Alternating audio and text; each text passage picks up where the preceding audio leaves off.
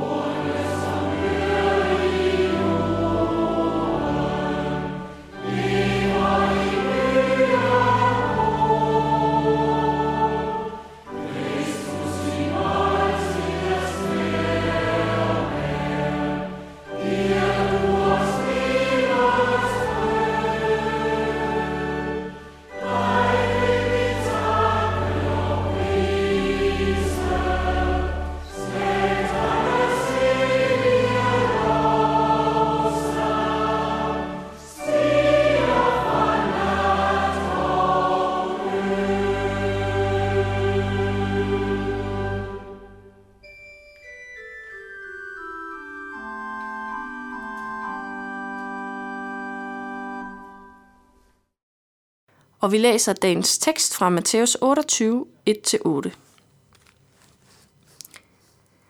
Efter sabbaten, da det gryede af den første dag i ugen, kom Maria Magdalene og den anden Maria for at se til graven.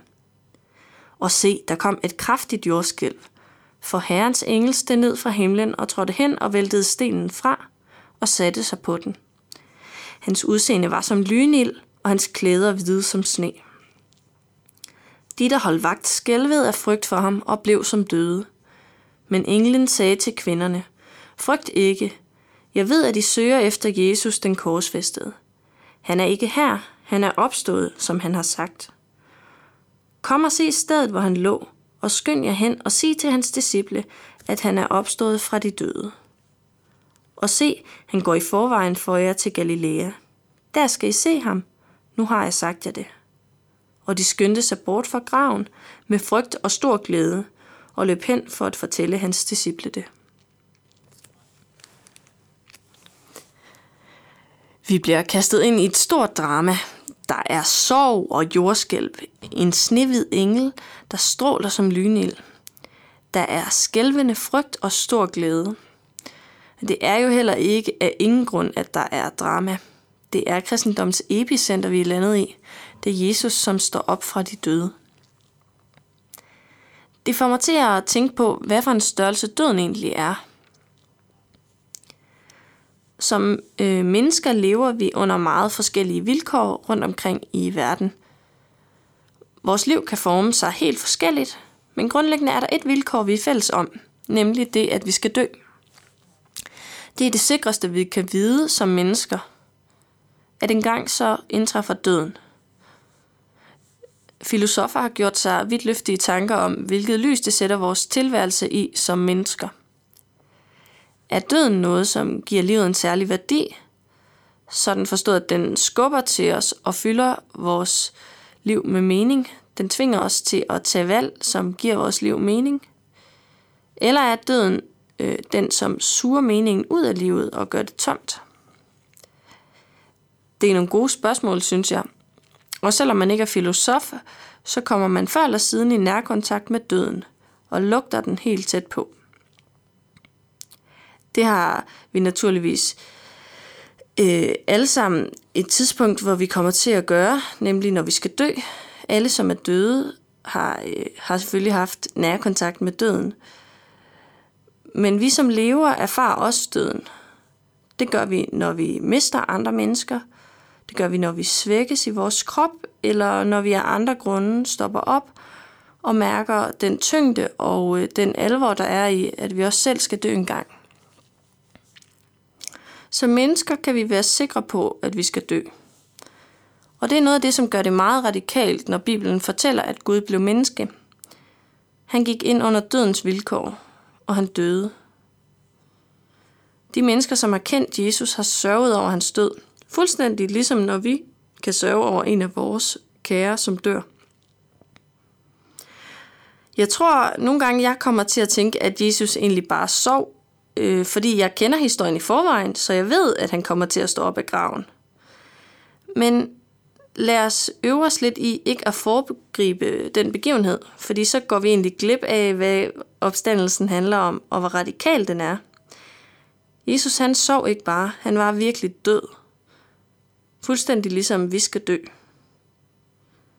Og derfor er det, som sker påskemorgen, et helt vildt mirakel.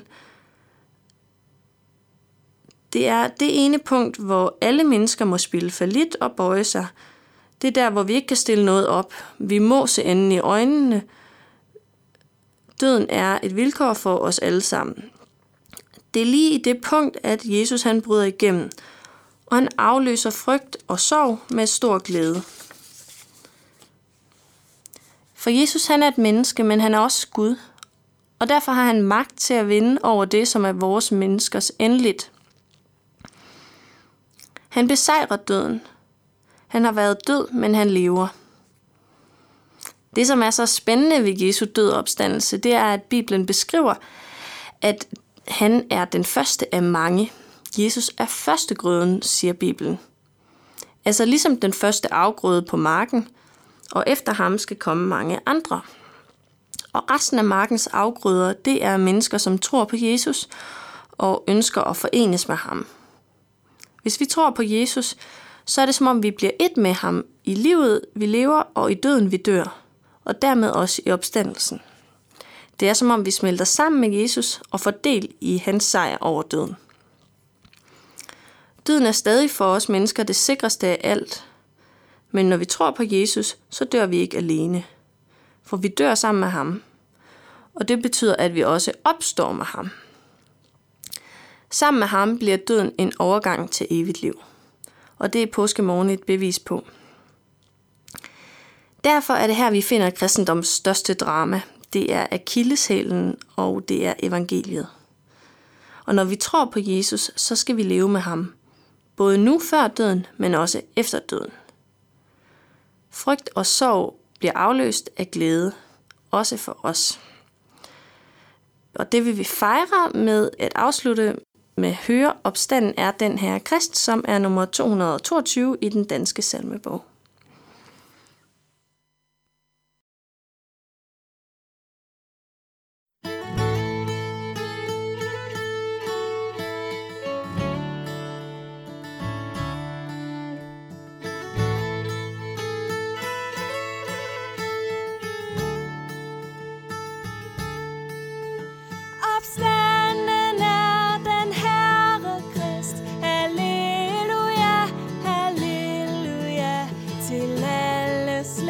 Digters trøst forvist. Halleluja.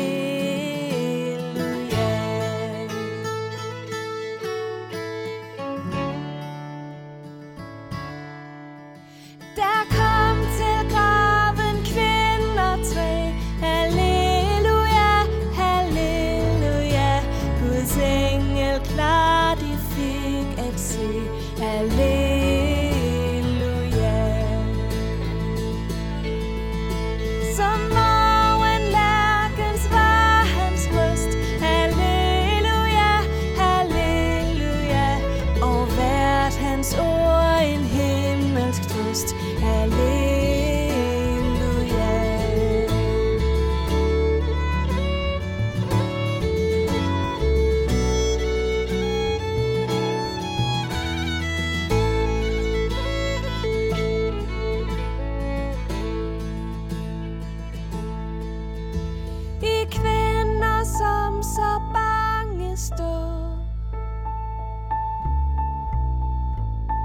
I denne grav, hvor frelser lå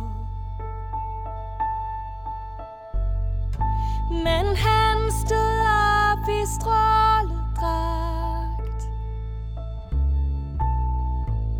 Lys levende, som han har sagt